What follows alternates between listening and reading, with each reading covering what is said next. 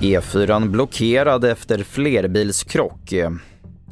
Minst 25 döda i skolattack och ny utbildning sedan antal narkotikabeslag ökat. Ja, det är rubrikerna i TV4-nyheterna som börjar med att minst två personer, varav en vuxen och ett barn, har skadats svårt efter en olycka på E4 i höjd med Mjölby. Ytterligare två bedöms som mindre allvarligt skadade och fem har lindriga skador. Alla skadade har förts till sjukhus med ambulans och vägen är fortfarande avstängd i södergående riktning medan den norrgående sidan öppnat igen. Minst 25 personer har dödats i en skolattack i Uganda igår kväll, det uppger polisen enligt nyhetsbyrån Reuters. Den islamistiska rebellgruppen ADF med IS-kopplingar sägs ligga bakom attacken.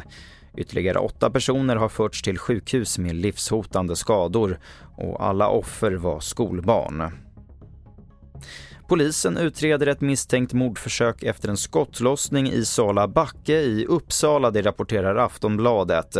Strax före klockan 11 igår kväll kom larm om smällar i bostadsområdet.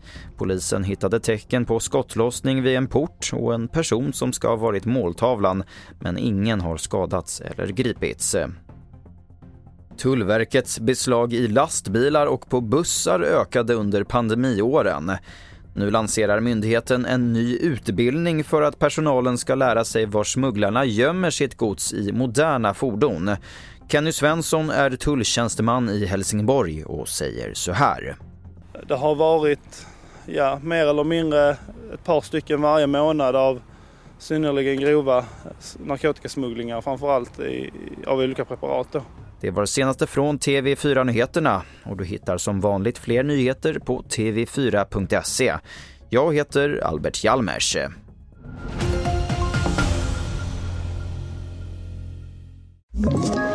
Ett poddtips från Podplay. I fallen jag aldrig glömmer djupdyker Hasse Aro i arbetet bakom några av Sveriges mest uppseendeväckande brottsutredningar går vi in med hemlig telefonavlyssning och, och då upplever vi att vi får en total förändring av hans beteende. Vad är det som händer nu? Vem är det som läcker?